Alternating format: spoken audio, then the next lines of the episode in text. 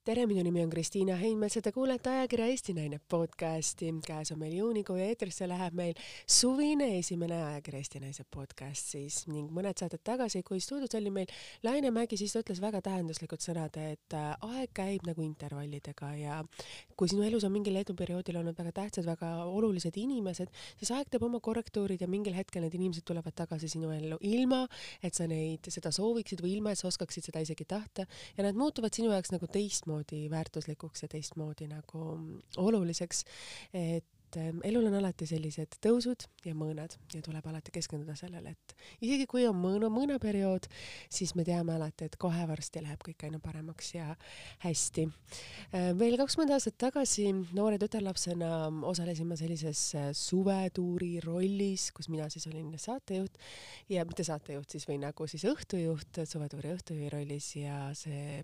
sellel tuuril oli ka peaesineja, seesama naisterahvas istub mul täna siin stuudios, kellega me siis ühe suve noore tütarlastena nappides riietes siis mööda Eestimaa erinevaid laululavasid hüppasime, aga see oligi nooruse vallatused, nooruse hullused, kus äh, võib-olla sellise äsja keskkooli lõpetanuna ja tema siis veel keskkoolis käiva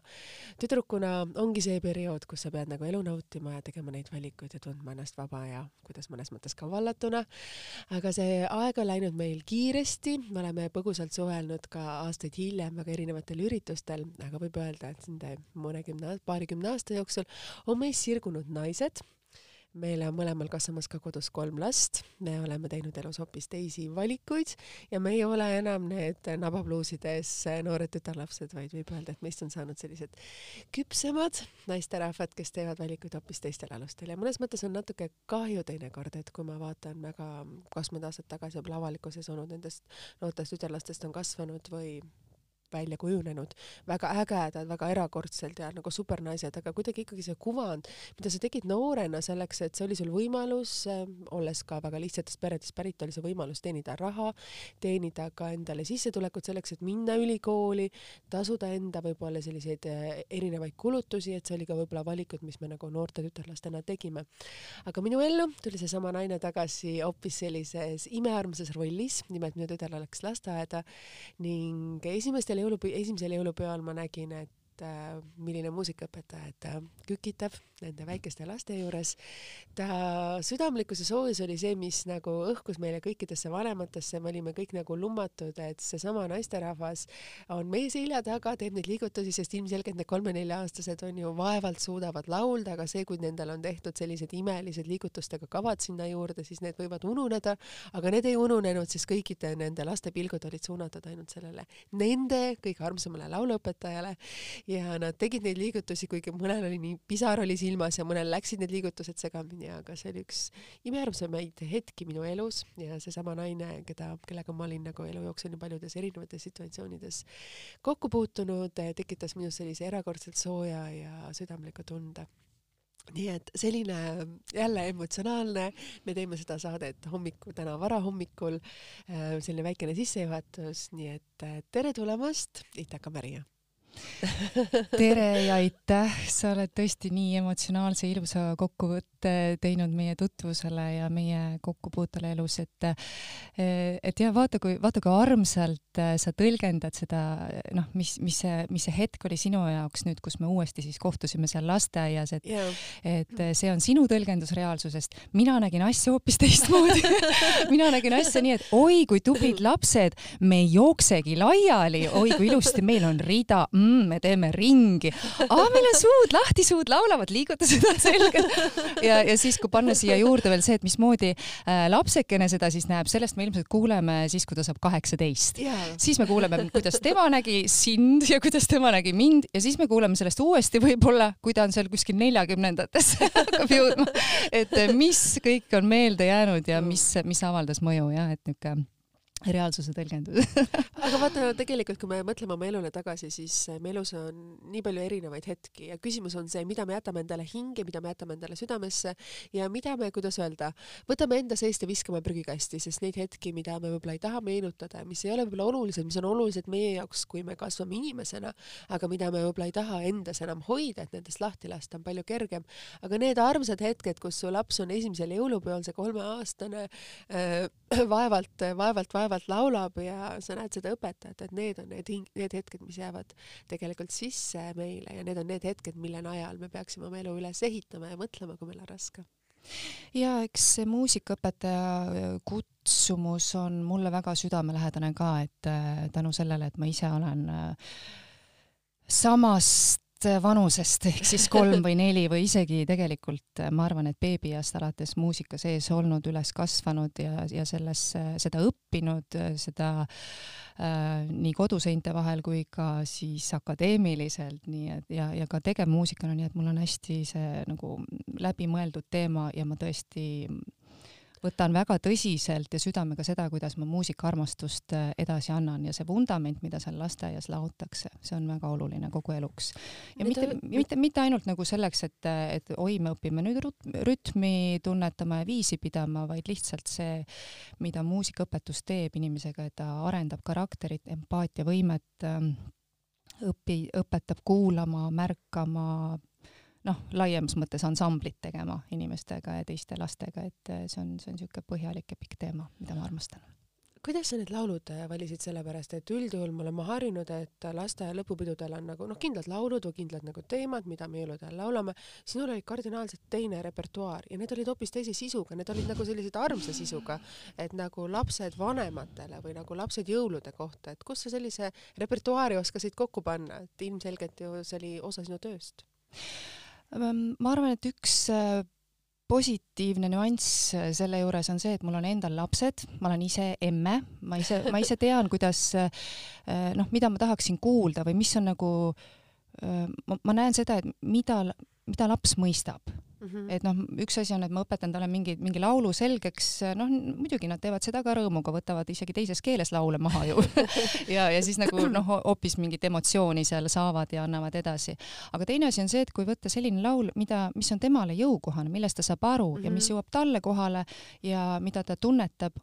pisikene kolme-neljane ka tunnetab ja tunnetab läbi ja annab selle siis oma vanemale.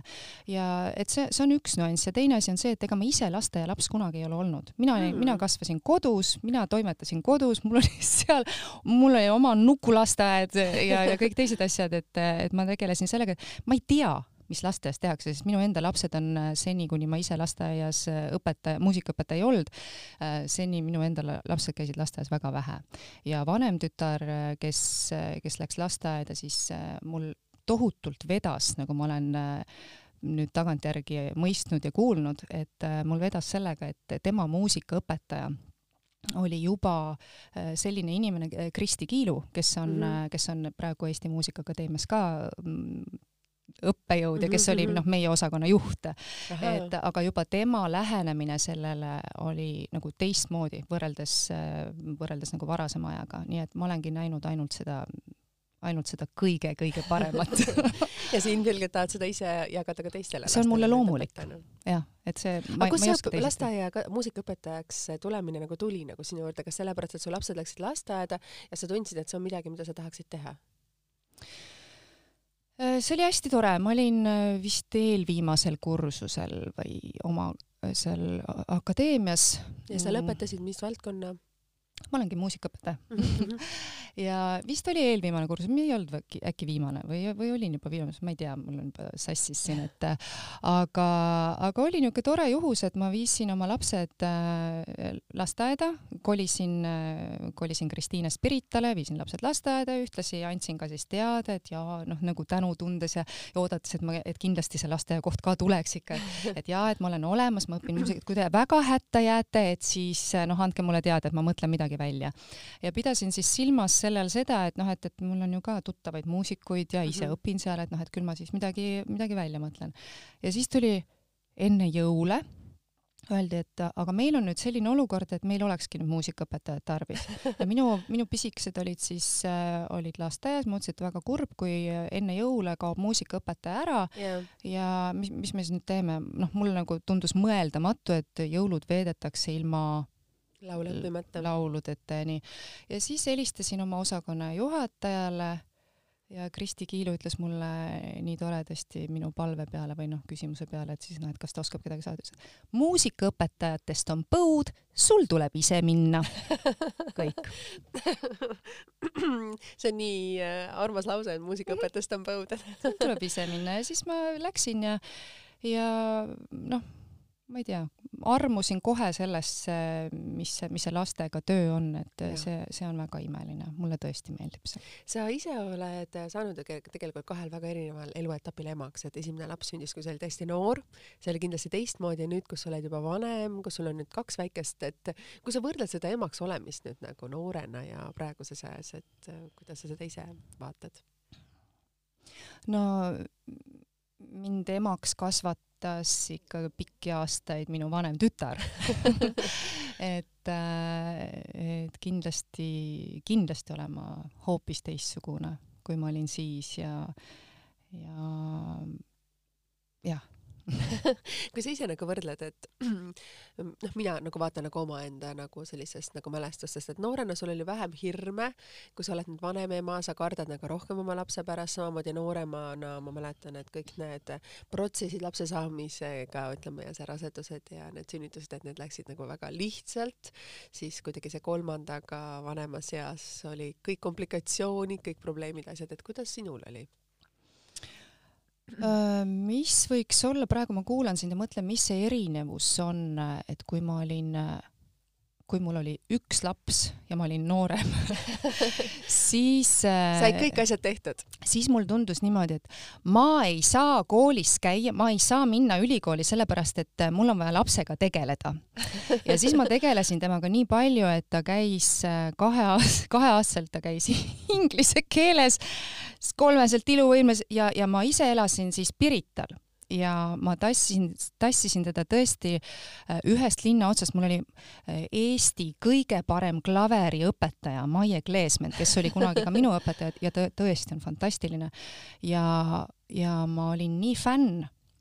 et ma Piritalt mitu korda nädalas sõitsin taha sinna Vabakale eh, klaveritundi last ja siis veel inglise keelde ja, ja noh, nagu, nagu hästi aktiivselt. aga nüüd praegu eh, nagu siis, kui nüüd on kolm last kokku, siis ma leidsin, et eh, jah, see oli naljakas hetk, et kolm last, kolm tööd ja siis ma leidsin, et mm, paras aeg, lõpetaks ülikooli ka ära ja ma tegin seda ja et äh, aga noh, see on, ma ei tea, ma kuidagi nagu logistiliselt juba sättisin asju niimoodi, et äh, võtsid rahulikumalt? võtsin rahulikumalt, hoopis rahulikumalt. Ja selle, selle rahulikkuse juures ma sain teada, et et lapsed võivad täitsa vabalt ka ise lugema õppida. Mitte, mitte et sa pead neid õpetama. ei, neil on märkamatult saavad tähed, muudkui aeg-ajalt jälle küsib, mis see? Aga mis see, aga mis see kokku? Ja siis niimoodi mööda minnes vasta, vasta ühel hetkel vaatad, aa, ta loeb. ta loeb ma võin öelda, minul on täna praegu see hetk kodus. on jah? ja et kuidagi poistega, vaata ma ei ole lapsi kunagi sundinud, et ma, minu jaoks on see, kuni nad on selle laste eelviimase rühmani, et nad kasvaksid ise, et ma küll, kui neil on mingid huvid ja asjad, et nad käivad ringides või trennides, et siis ma küll seda nagu loon nendele, aga ilmselgelt alles siis ma võib-olla hakkan noh, nagu lugemisega või tegelema, aga mingid asjad nad ise jooksvalt haaravad, nii et tütar mul ise loeb, et ma ei ole kordagi õpetanud või tegelenud sellega, et ja, sama. täitsa võimalik on see. et nagu sa räägid, räägid, siis ma saan aru, et see ei ole midagi imelist, vaid seda juhtub paljudega et jah, ilmselt kui, kui meil on seal, tuleks lapsi veel juurde, oleks meil peres kaheksa last, siis me vaataks veel aina avastaks uusi ja uusi imelisi asju nende puhul, et. kas sa, kas sa mõnes mõttes saad ka aru, et noh, mina olen nagu täheldanud seda, et kui sul on kolm last, et sul on nagu nii palju tegemist kogu aeg ja kui sul võetakse need lapsed ära, siis sa ei oskakski selle ajaga nagu midagi teha, et oled sa kunagi nagu sellist hetke mõelnud ja nagu sa ütlesid, sa olid noorem, sul oli üks laps, sa tegelesid ainult, tegelesid, kogu see aja pühendasid sellele. täna kuidagi kõik kulgeb iseenesest mm, ega sellist momenti nüüd küll ei ole, et ei oskaks oma ajaga midagi peale hakata, et äh... seda on ju tegelikult sinu, sinule enda jaoks on suht vähe ikkagi, et lapsed, sa ütlesid ka ennem, et on sinu prioriteet. lapsed on minu prioriteet, aga et ma saaks neile olla hea ema või üldse nagu tore sõber või ähm,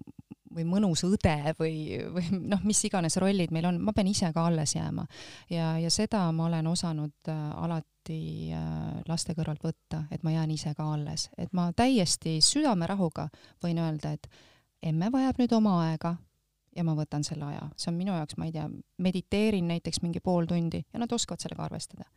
et selles suhtes äh, ma ei tunne ennast süüdi, sellepärast ma vajan seda aega ja nemad teavad, et ma vajan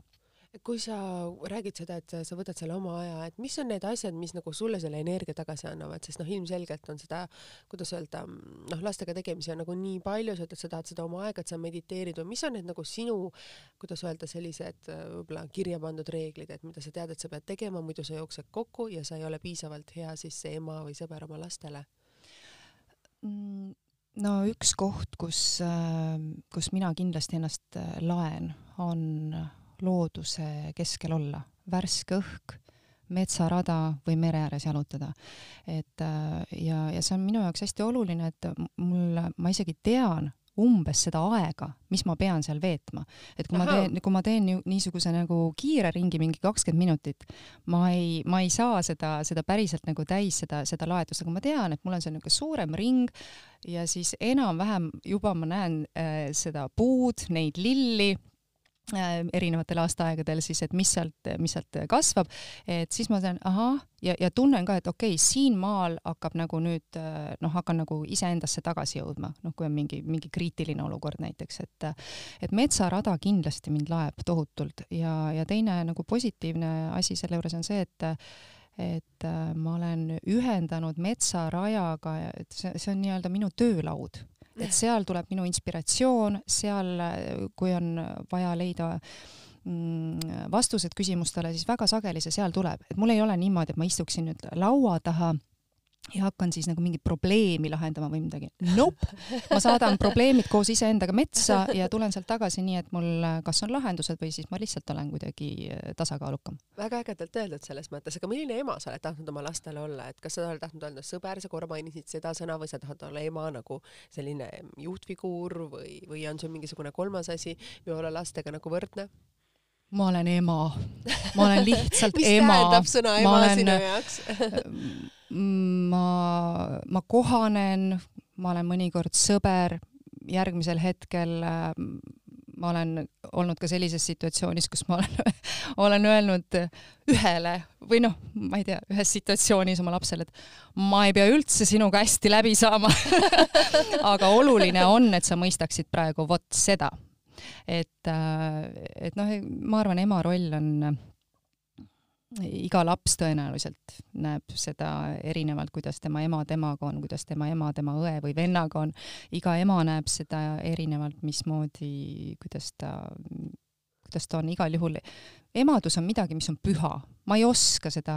võib-olla praegu niimoodi kiiruga siin, ma tean, et meil on vähe aega lõppkokkuvõttes, et seda, seda sügavat teemat nagu kuidagi kokku võtta, et, et emadus on püha, see ei ole kuidagi võistlus, see ei ole see, et, et noh, ma ei tea, see on, see on kohalolek. Ja minu jaoks on, on tähtis, et mu lapsed oleksid õnnelikud, terved ja kohalolek. väga-väga hästi nagu öelda, selles mõttes, et sa elad nagu hetkes ja niimoodi. ja kui elada nagu hetkes, siis äh, sa oled hakanud sellise valdkonnaga tegelema nagu folk, ma tean, kus nagu see selles mõttes, et noh, Best Before oli nababluusid, folk on ikkagi midagi sügavat, midagi traditsioonilist ja täitsa sellist nagu noh, võib öelda Eesti üks juurte äh, osadest või laulumaailmast jaa, ma laulan äh, sellises ansamblis nagu Hõim kuidas, kuidas set..., kuidas see sinuni jõudis? Äh, see jõudis äh, hästi loomulikul viisil. ma olen äh, aastaid käinud nagu noh, lihtsalt juurte tõttu äh, Setu kuningriigi päeval nautimas perekonnaga ja siis äh, eelmisel aastal otsustati nagu Setu juurtes kokku panna üks punt, kes äh, nagu, nagu muusiku taustaga inimestest ja kutsusime ansambli kokku, toredad inimesed kõik, originaallooming, mis on minu jaoks alati väga-väga südamelähedane kui.... originaallooming siis tähendab seda, et te ise kirjutate oma lood, ise mõtlete neid praegu, kuidas öelda siis välja? jaa, et uued laulud, mitte et me võtame täpselt. rahvalaule mm -hmm, või teeme covereid, vaid originaallooming, et Matis Leima on meil seal muusikaautor ja, ja tema siis on niisugune noh, ma ütleks juhtfiguur ka selles ansamblis, et kes, kes lahendab neid see on ju tegelikult meeletu areng, et kui mõtleme sinu neid hittlugusid mm -hmm. ja nüüd folk, et ähm, kas sa ka ise kirjutad nagu selles valdkonnas oled kirjutanud lugusid mõne folgi jaa, mul on sahtlis üks niisugune folk-tüüpi lugu. ma tavaliselt no. sahtlisse ei kirjuta millal siis singel ilmub meil ei oska öelda praegu, et äh, ei, ei tea, aga ülikool on lõpetatud, lapsed on kohe kõik koolis aega jääb üle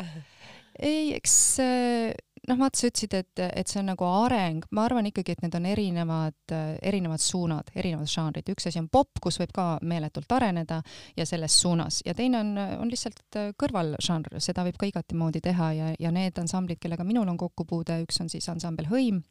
ja teine on äh, Netsaja küla bänd, tegelikult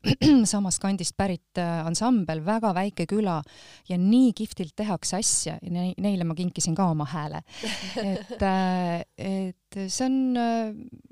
see on, see on äge, et, et selles žanris võib ka teha väga hästi, et mõlemas, nii popis kui ka klassikas kui ka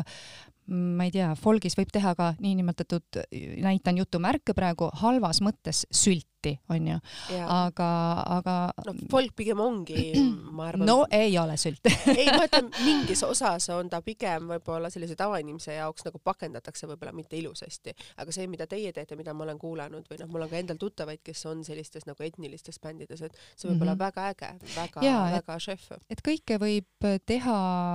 hinge ja südame ja pühendumisega ja kõike võib teha ka niimoodi eh, poolikult, aga mina tavaliselt eh, ikkagi panustan, reeglina panustan aega ja enda energiat sinna, kus ma näen, et asja tehakse mm, sisukalt kui sa nüüd mõtled seda, mõtleme nagu selle muu läbi muusika selle arengu, et mis on võib-olla need etapid su elus, mis on nagu muutnud või on elu ise toonud sulle need kõik need asjad sinu endani, et noh, ilmselgelt sa ju kasvasid üles hoopis teise loomingu keskkonnas, siis see oli ju popp jõudis sinuni, siis vahepeal ju sa olid ju Eurovisiooniga seotud, sa kirjutasid ju Merelastele koos oma endise abikaasaga sõnad ja need ju esitas Koit Toome seal suurel laval ja sa oled ju mitu korda käinud Eurovisioonil ja nüüd oled sa nagu Eestimaa juurte juures, et kuidas sa nagu ise seda arengut nagu kokku võtad? Nagu musikaalset arengut, et see on nii sina naisena kui inimesena kui muusika, et kõik need kolm valdkonda on ju läbi põimunud um,. palun täpsustavaid küsimusi et ähm, sa kasvasid üles ju hoopis teistsuguses muusikalises keskkonnas, siis sa mm. sattusid sinna popi valdkonda. vaata, mul on olnud niimoodi, et kuna ma õppisin pisikesest peale muusikat mm, -hmm. siis mul oli nagu noh, mul on olnud kogu aeg see selline akadeemiline muusika õppimine kogu aeg taustal. ja see, et ma vahepeal kuulan raadiost mingisugust äh, niisugust poppi noore tüdrukuna, ega mul seal kõrval oli ka, oli ka trash-muusika, mida mu klassivennad mulle tutvustasid. et mul on see muusika äh, kõik erinevad žanrid olnud kogu aeg minu juures, et äh, ja, ja üks ja see, millega, millega muusika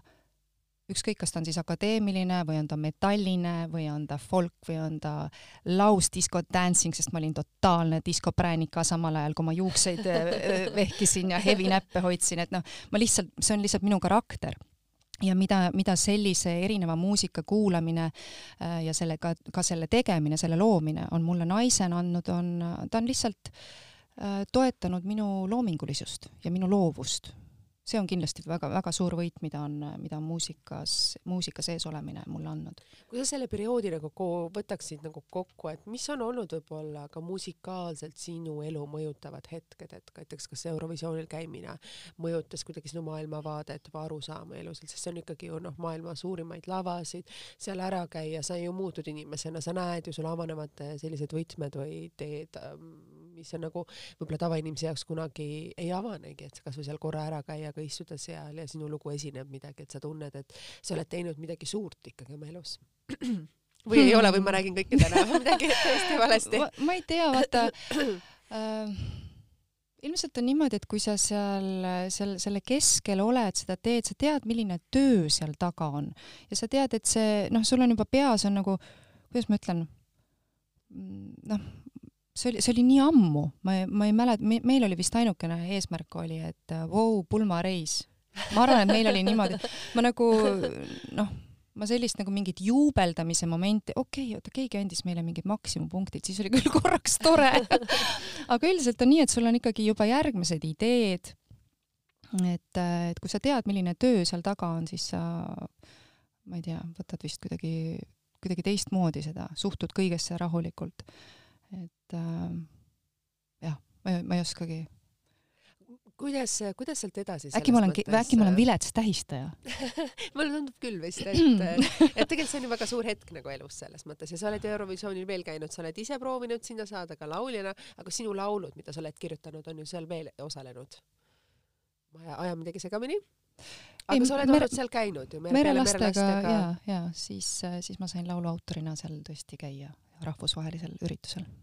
kui sa nüüd ise mõtled tagasi kõige selle perioodi peale ja asjade peale, et ähm, mis on ikkagi need äh, punktid või asjad, mis on nagu sind ka muusikaliselt nagu muutnud või sinu maitset muusikaliselt muutnud, sest ilmselgelt sa hevi ju enam ei kuula. oi, alles üks päev lasin ühele tut-, heale sõbrale Slipknoti. Et ähm, mm, väga palju on mõjutanud äh, koostöö teiste muusikutega ja, pro ja produtsentidega, Adam Quiman näiteks Rootsis, et kui ma tegin oma plaati kunagi siis enda, enda muusikale, siis äh,, siis jah, nende välismaiste produtsentidega, Gordon Raffel näiteks. Mm, -hmm. nendega koostöö on olnud hästi äge. Ja ma noh ma mäletan seda momenti, et noore tüdrukuna, kui sa lähed nagu mingite niisuguste isade selliste produtsentide juurde, ja ütled, et aga siin on nüüd minu muusika, ma tahaks oma laule laulda. ja, ja siis ma tahaksin, et veel need kõlaksid niimoodi ka, siis ma mäletan sellist nagu võitlust, et kõigepealt ma sain sealt tagasi mingisugused, oh kuule, no väga tore, aga me teeme sulle nagu sinu, me teeme sulle ise nüüd ühe versiooni sellest sinu loost. ja siis ma kuulan seda ja siis ma saan aru, et et see ei ole päris see ja siis ma hakkasin nagu ennast selgitama ja proovima ennast väljendada, et mida ma täpselt tahan saada, üks asi on, sul kõlab siin mingi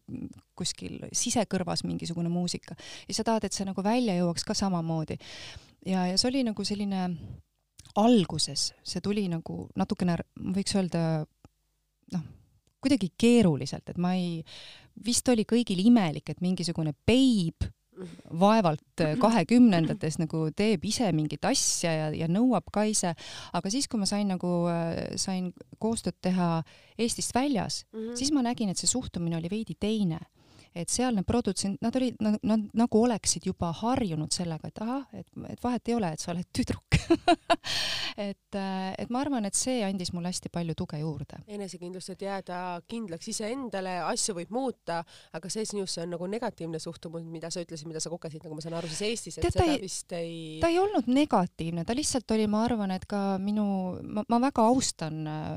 seda produtsentide tiimi, kellega me siis koostööd tegime ja, ja ma ikkagi enamus oma elust nendega koostööd tegin, et ma olin väga lojaalne üle kahekümne aasta. Et eh, ma väga austan neid, aga ma arvan, et see oli lihtsalt nagu selline, selline harjumatu moment sellel hetkel, et tänaseks on asjad raudselt muutunud ja meil noored tüdrukud tulevad ja teevad mussi ja, ja mul on endal lauluõpilane üks hästi tore, üks Aalika Aha. kes on, kellega me oleme ka aastaid-aastaid juba teinud äh, koostööd, mina siis tema hääletreenerina ja nii imeline on vaadata, et, äh, et noh, tal on ka juba, kui vana ta võis olla, äkki ta oli viis, ei, ta vist äkki oli viisteist, kuusteist, kui ta ütles, et noh, et, et mul on tegelikult endal ka laule. ja noh, mina võtsin sellest nagu kohe kinni, vau, väga äge. ja, ja nagu siis noh, see on see asi, mida ma alati inimestes hindan, see ehedus, see oma looming, see katsetamine andku minna. kui palju sul on endal elu jooksul tiibu kärbitud ja kui palju sa oled pidanud ütlema oma sisemise, oma sisemuses tundele ei ja tegema seda, mida teised sulle ütlevad?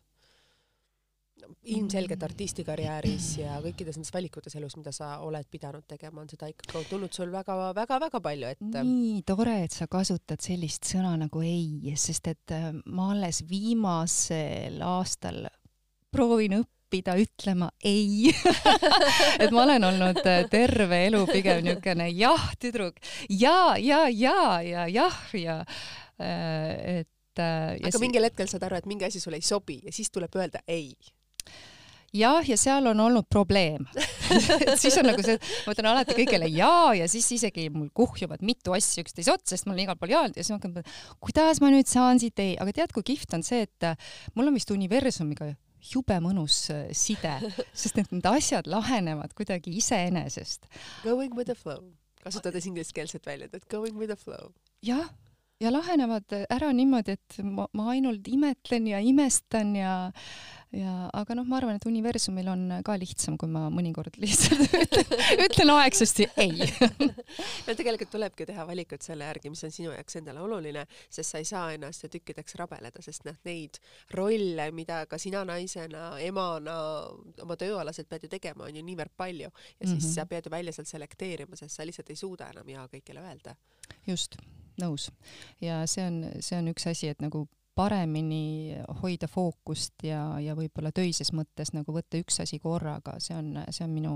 praegune käsil olev õppetund kuna sa äh, just mainisid mõned hetked tagasi, kui me sinuga ennem rääkisime sellest lasteaiaõpetaja ametist, ütlesid, et see on sul natukene jäänud nüüd tagaplaanile, sest su omad lapsed on ka, üks juba käib koolis ja mm -hmm. teine vist nüüd vist läheb juba viimast aastat lasteaia viimasele kursusele läheb jah? aastale järgmine kevad, samal ajal on meil lasteaia lõpupeod siis sa ei saaks podcast'i stuudiosse tulla ilmselgelt vist. aga äh, ma küsiksin pigem nagu selliselt, et kuhu sa nagu edasi tahad jõuda, et äh, sul on, lapsed on juba suuremad, sa saad rohkem võtta endale kohustusi tegelikult ju, kui lapsed on lasteaias, seal on ikkagi selline noh, nad jäävad haigeks ja sa pead endast hoolt kandma, kui nad lähevad kooli, nad on ju iseseisvamad selles mõttes. no nad võivad siis ka ju nohusse jääda no,. jaa, aga, aga vaata, siis sa saad ikkagi ta koju jätta, ta saab ise hakkama sellega või sa ei pea muretsema või ta oskab kasutada seda mobiiltelefoni, et kui nad on ikkagi sul väiksemad, siis need mured on võib-olla väiksemad, aga nagu nad on sellised, mis nõuavad sinu kui ema sellist järelevalvet võib-olla kordades umbes rohkem, kui nad saavad suuremaks, nad võib-olla probleemid on suuremad, üldjuhul lähevad suuremaks need probleemid, aga ikkagi sa saad nagu kuidagi seda oma aega ja laps ise hakkab tegema ju samme sinust eemale, et mis on need asjad, mida sina nüüd tahad käsile võtta või mida sa oled juba võtnud, et kuhu edasi hopsti um...? mul oleks väga hea meel selle üle, kui ma, kui ma viiksin ellu üks niisugune kolm kuni viis ideed, mis mul on. kas me võime mõnest siit rääkida? Need puudutavad, vähemalt kaks neist puudutavad kindlasti, mõlemad projektid puudutavad lapsi aga need on väga erinevad. Äh, lapsi ja vanemaid ja, ja kui ma suudaksin äh, nüüd noh, ongi niimoodi, et ma lõpetasin selle Tallinna vanalinna teemalise mängu ära, mis oli meil niisugune kaheksa-aastane. mis see oli täpselt, et ma, sa korra põgusalt mainisid seda meie vestluses, aga mis see nagu täpselt oli, mis see nagu sisu oli, et vanalinna teemaline mäng, et kus sa nagu sellise asja peale, et ma hakkan nagu mänge tegema nüüd, et, et sa oled laulja, sa oled, äh, tegeled kõige muuga, sa oled haridul, hariduliselt mu, muusikaõpetaja, sa teed mängu, et noh Äh, selle, kust see tuli, out of the blue ju mõnes mõttes? selle idee peale tegelikult tuli minu ema siis, kui ta oli, äh, elas ja töötas välismaal. ja vaata, kui sa, kui sa oled Eestist eemal, äh, sa hakkad vaatad seda, mis siin toimub, vaatad teise pilguga ja, ja tal, siis kui ta tagasi tuli, ta otsustas, et ta tahab jääda seal eemal olles ta ka uuris neid asju, uuris ajalugu ja, ja otsustas siin jääda, et ta enam ei lähe välismaale, sest siin olid juba lapselapsed ja ja, ja siis ähm, mm, see oli tema idee. et ja, ja sai see väga palju inspiratsiooni giidiõppest, et ema on Tallinna vanalinna giid ja, ja siis äh, mäng sellisel kujul, et, et nagu sul oleks ekskursioon mängulaual, see Tallinna vanalinnas siis? Tallinna vanalinna ekskursioon jah. nagu Monopol, et on erinevad, noh, midagi sarnast, et sul on erinevad tänavanimed ja sa pead tundma ja teadma ja mängima ja midagi taolist. jaa, et see ongi niisugune strateegia ja õnnemäng, et äh, ja teadmiste mäng muidugi ka. mis oli sinu roll selles? Oi issand jumal, ma olen selle sündimise juures olnud.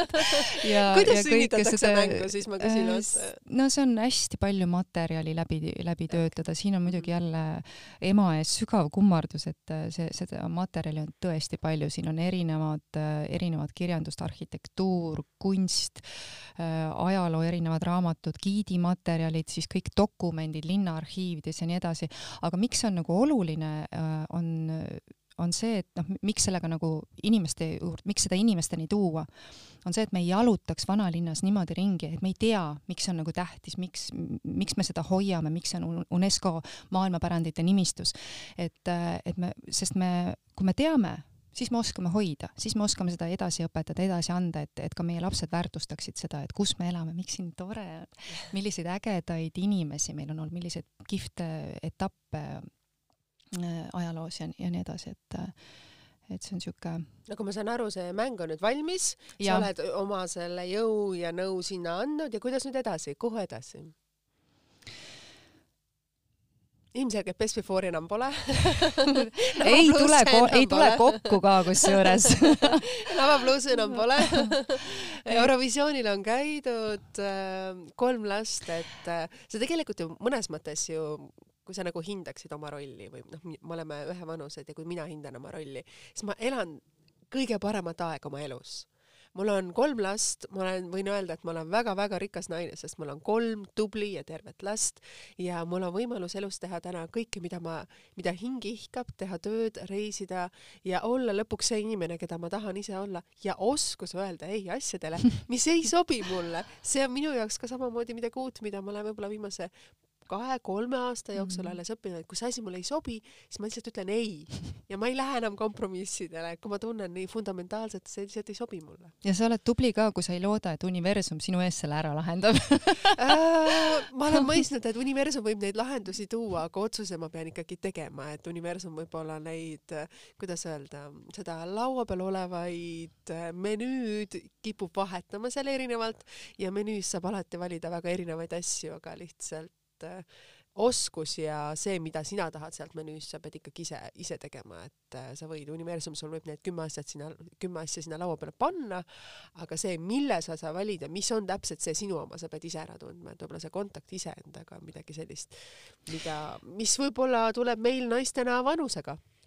see on jah hästi oluline, et, et olla oma keha ja, ja hingega ja südamega ja nabaga kontaktis, et äh, see on naiseks olemise juures hästi-hästi oluline. ma küsingi, kuhu nüüd edasi ähm,? kuhu edasi? noh, nagu ma mainisin siin natukene, et ma, ma tunnen, et see, need ideed on veel liiga, liiga toored, et nendes, nendel praegu pikemalt peatuda, aga, aga kindlasti ma tahan, tahan paar paar head asja ellu kutsuda, mis on seotud äh, lastega, perekondadega ja, ja isegi ma ütleks niimoodi, et nagu eraldi elavate vanematega sul on ju tegelikult kolm last, sul on kahe, kahes, kuidas öelda siis kahest erinevast suhtest on need lapsed. et kuidas on nagu, kuidas sa nagu seda suudad nagu balansseerida, kui sa siin mainisid, et lastega ja äh, erinevate vanematega ja asjadega, et kuidas sa nagu seda oled ise suutnud balansis hoida, et sellist äh, kuidas ma ütlen, selliseid olukordi on täna väga paljudes peredes, et sa pead arvestama mitte ainult oma lastega, vaid paljude nagu eri, erisuste ja detailidega.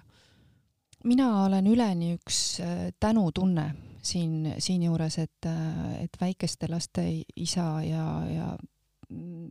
perekond on no, no lihtsalt nii fantastilised inimesed, et, et me oleme kõik väga seotud, me tunneme, et me oleme üks, meil on tibud ja, ja me kõik oleme tibude teenistuses, et, et ma ei tunne üldse et nagu äh, sellises klassikalises mõistes võib-olla nagu üksikemana ennast, et äh, või viha või sellist ei, ei, ei, see ma ei mis käib tihtipeale, kui minnakse lahku, käib nagu kaasas? ei, et, äh, et siin on, mina olen ainult väga tänulik, et mul on väga-väga kihvtid inimesed laste ümber ja ja, ja meil kõigil on oma panus ja, ja noh, mis on nagu hästi oluline nii lapse jaoks kui ka vanemate jaoks, ka vanavanemate jaoks, on see, et ollakse ikkagi igapäevaselt veel seotud, isegi siis, kui minnakse eraldi kodudesse. aga noh, praegu on ka niimoodi, et näiteks noh, laps pisikene, mina ei saanud matemaatikast, ma ei saanud esimese klassi esimese klassi matemaatikast ei saanud aru, siis laps juba teab, tehakse ülesandest pilt, saadetakse diedale või saadetakse papale ja, ja noh, niimoodi me, me oleme ikka väga-väga seotud igapäevaselt ja, ja see on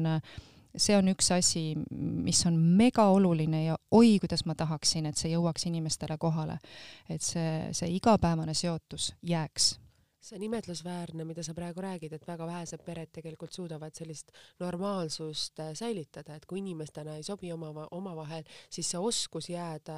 ühtselt äh, lapsi kasvatama, kasvõi siis erinevate, läbi erinevate kodude, see on omamoodi oskus ja see, kui sa ütled, et sul on see õnnestunud või mis on need võib-olla sinu sellised nüansid või õpetused, mida peaks nagu sellistel asjadel jälgima, sest see on laste jaoks ju kõige olulisem ma ei oska anda praegu ühtegi õpetust, ma pigem, ma tahaksin, et vanemad jääksid, noh vaata, kui minnakse laiali, siis on siis... seda valu ja nukrust ja kurbust väga palju ja äh, ärategemist võib-olla, võib ka niimoodi öelda mm,? jah, see, see sõltub, millele keegi äh, oma tähelepanu pöörab, et, äh, et kui minnakse laiali, siis loomulikult sa pead nagu tuvastama, et kus on tulekahju. et kas see tulekahju on, on minus, kas see tulekahju on, on näiteks noh, nii, nii-öelda tulekahju, eks ole, kas on laste peal, kas ma pean kõigepealt lastega tegelema, iseendaga tegelema, et mi, mis see on? Ja kui sa selle nagu noh, kui, kui see on sina ise siis sa pead sellega tegelema, kui sa näed, et lastel on praegu veel okei okay,, et okei okay,, nende mingi tagasilöök tuleb siin, äkki tuleb paari kuu pärast, äkki tuleb paari aasta pärast, siis fine, siis sellega tegele, aga kus on tulekahju, see on esimene asi. ja, ja loomulikult sa noh, sa pead leidma sellise jõu, kui sul on lapsed, sa pead leidma sellise jõu, et sa teed koostööd teise vanemaga. see noh, ja, ja õnneks mul pisikeste laste isaga tõepoolest niimoodi on, et on äh, väga imetlusväärne mees selle koha pealt kui, kui sa ise vaatad, ütleme nagu neid peresuhteid ja neid äh, asju siin nagu ümbritsevalt, et mis on võib-olla sinu võib-olla sinu nagu selline tarkusetera, mida sa oled ise nagu läbi, läbi oma nende erinevate võib-olla, ma ei tea, elu, elukorralduslike situatsioonide õppinud, et mis on see kõige olulisem? võtta inimesi sellistena, nagu nad on. Väga ilus, väga ilusti öeldud. et, äh, et ei saa, sa ei saa loota, et sa kedagi muudad ja, ja., ja kui sa päriselt sellest nagu aru saad, siis läheb rahulikumaks olen sinuga absoluutselt nõus, et on, me võime muuta oma igasuguseid erinevaid detaile endas, aga fundamentaalsus, mis on mees, see ei muutu mitte kunagi. et see on lihtsalt küsimus, et kas me aktsepteerime seda või me ei aktsepteeri. meie asi on teist, mis puudutab meie nägemust teistest inimestest, siis meie asi on igal juhul nagu võtta neid sellisena, nagu nad on. ma ei väida, et inimesed ei muutu kindlasti muutuvad, kindlasti arenevad, kui, kui nad seda soovivad. aga, aga meie asi on jah, nagu, et me, meil ei ole mõtet olla kuskil pahane ja, ja, ja nagu mõelda, et oi, et ma, ma ei tea, mõjutan, räägin, nuputan, ei. või hoida viha iseendas mm,. ei, vimm on üldse see, mis ja vimm on üldse see, mis on nagu täiesti out. see, see on nagu, see on asi, mis hoiab minevikus kinni kuskil ja, ja tegelikult areng on äh, poolik me oleme nüüd siin rääkinud praktiliselt viimase minutini, mis on stuudio on meie käsutuses, me peame selle vabastama nüüd mõne hetke pärast, ma arvan, et meil on kohe keegi ukse taga siin koputamas. võib-olla on midagi, mida ma täna siin saates sinu käest ei küsinud, mida sa tahaksid nagu ise rääkida, et me võib-olla ei läinud täna nii väga palju detailidesse sinu lapsepõlve, sest see, me oleme juba, sellest on avalikkuse ees juba palju räägitud, aga sinu teekonnas kõik selles muusikalises võib-olla vähem, milles me siin saates nagu keskendusime, et mida võib-olla midagi, kui meil on, naised on just meil nagu saate või asjad, et mis on nagu sinu jaoks kui naise jaoks väga olulised asjad? sa oled ju olnud avalikkuse ees põhimõtteliselt kogu oma elu ja ma tean, ma ise tunnetan näiteks seda, et kui ma olen Eestis, ma olen ühtemoodi, et sa ikkagi lähed, sul on teatav selline nagu, sa ei tõsta silmi võib-olla maa pealt, noh, põrandalt ülesse, et sa pigem eelistad That's not mitte, me mitte inim-, minu asi on see, et ma ei, ma ei vaata inimestele, ma ei taha väga silma vaadata võõrastele inimestele, et ma ei taha võib-olla neid pilke nagu kohata. aga kui sa oled Eestist väljaspool, siis see vabaduse tunne, et sa võid teha, mida sa tahad ja keegi ei tunne, keegi ei tea sind ja keegi kuidagi ei vaata su peale nagu teise pilguga või ei tee salaja pilti sinust kõrvallauas, et et see noh see on midagi võib-olla, mida ma olen nagu viimastel aastatel alles kogenud, et kui sa reisid, reisid üksinda ja sa naudid seda nagu tundmatust, mis sul ikkagi siin Eestis kaasas käib ja see on olnud ka väga suur sinu elust, et noh, ma olin kaheksateist, kui ma avalikkuse ette sattusin, noh, tänaseks on seda kordades vähem, aga algusaastatel rohkem ja kindlasti ka sinule, et kui sa sattusid avalikkuse ette, et sa olid ikkagi ju Eesti mõttes superstaar, kes oli iga nädal ajakirjade esikaantel, kellest iga nädal ju kirjutati, et ja kui sa nüüd vaatad, et nüüd sul on elu rahulikum, kuidas sa nagu selliste, sellisele perioodile või asjadele või sündmustele või kuidas sa sellist endas, endas sõnastaksid? väga pikad küsimused on väga laialivalguvad, väga sellised äh, keerulised vastata, ma tean ei, ei usu, ma arvan, et ma, ma leian selle tee praegu um, see, see kõlab võib-olla nagu klišee aga et jääda iseendaks, et mis see siis tähendab, see tähendab, et hoia seda ehedust, mis, mis sinus on. et mind ei ole kunagi huvitanud see, kas keegi kuskil vaatab või ei vaata, võib-olla mind peaks see isegi, noh, täna ma olen üldse chill aga, aga võib-olla on olnud elus aegu, kus oleks võinud mind rohkem huvitada, aga no, no ei saa salata, et mul on iseendaga kõik korras olnud kogu aeg, et ma, ma tean, kes ma olen ja ja sellepärast, et keegi kuskil vaatab ja et mina ei vaata kellelegi otsa, vaatan rahulikult silma. aga, aga see, et, et hoida ehedust ja üks nõks võib-olla, kuidas, mis ma enda jaoks avastasin niimoodi kogemata mm,, oli see oli ka suht, suht hiljuti mingisugune, kas see oli aasta või poole aasta teema, et, et mul oli, mulle sattus kätte terve hunnik lapsepõlvefotosid mm. -hmm. ma olin seal beebi, ma olin seal kolmene, siis oli seal foto, kus oli äh, nullklassis tehtud, see on siis mingi kuuene enne kooli, siis oli esimese klassi pilt, oli kaheteistkümnenda aasta see tüdruku pilt oli neli, neliteist, viisteist ja kuni siis isegi üks pulmafoto oli, kus ma olin seitseteist oh tõesti. ja, ja see, see sihuke fotode valik sattus mulle ette ja niimoodi oli mul seal niimoodi kummuti peal. ma ei pannud neid kohe ära, ma aeg-ajalt vaatasin neid, vaatasin, naeratasin, tore. ja siis, siis ma hakkasin tähele panema selliseid asju, et kui, kui tekkisid elus või noh, mingi periood tekkis mingi situatsioon, kus niisugune segadus, segased vastakad tunded kerkisid esile. ja siis ma läksin nende fotode juurde vaatasin mm, -hmm, praegu kuidagi nagu tekib, et selle tüdrukuga ollakse, noh, et selle tüdrukuga võiks rääkida ja siis niimoodi vaatad oma seda väikese lapse fotot iseendast, eks ole, ja mõtled, ahah, ja siis meenutad hmm,, huvitav, kas seal on midagi lahendamata. ja, ja see oli hästi huvitav jälgida, selline kihvt sihuke eksperiment, mis ma siis tegin iseendaga pärast seda, ma jätsin need fotod ja vaatasin, kui tekib jälle segaduse moment või mingi küsimus, millise fotoga see assotsieerub. Ja, ja lõpuks ma õppisin iseenda kohta väga palju, ma sain teada, millised asjad on minus äh, mm, kuidagi minu enda küsimused, mis on lahendamata, mida siis elu sulle äh, hiljem pakub, et, äh, Need ära lahendada. et hakka lahendama mm. -hmm. et sul on, sul on see veel, see veel tegemata. ja, ja neid asju jälgisin, aga lõppkokkuvõttes õppisin seda, et, äh, et hoia seda ehedust, seda tüdrukut, seda last iseendas. väga ilusasti öelda, et säilita see, kuidas öelda, nooruses ära silmades mina ütleksin seda, sõnastaksin nagu selles mõttes, et see ehedus iseendas, et see, kes me oleme, et seda säilitada, mitte ära kaduda nende probleemide, murede alla, vaid selg alati sirge ja alati naeratada. ja alati ennast toetades, et sest ideaalne inimene on see, kes äh, teeb vigu ja, ja õpib, kui ta ei teeks vigu, ta ei oleks inimenegi. absoluutselt. Aga ma arvan, et äh, meil on nüüd viimane hetk saade kokku võtta, nii armas, et sa tulid saatesse, nii ilusasti sa ütlesid, et emadus on püha ja hoida ehedust iseendas on kõige tähtsam võib-olla meil naistena, et me oleksime tasakaalus ja saaksime kõigega siin elus hakkama. Aitäh sulle! Aitäh teile, kallid kuulajad, nagu te teate, on ajakiri Eesti Naine podcast saadaval ikkagi meil Spotify's, SoundCloudis ja loomulikult Delfi taskukeskkonnas ja meil on ka olemas Instagrami lehekülg, mida ma ka nüüd üritan arendada rohkemaks ja paremaks ja võtan ka koolituse, et see oleks veidikene ehedam, aga aitäh teile, kes te seda ka kõik jälgite. ja kohtume teiega juba nädala pärast, siis on meil juba juuni keskpaik ja loodame, et seda päikest on rohkem, valgust on rohkem, juba esimesed ujumised meie mererandades oleksid tehtud. Kõike head ja nägemist! thank you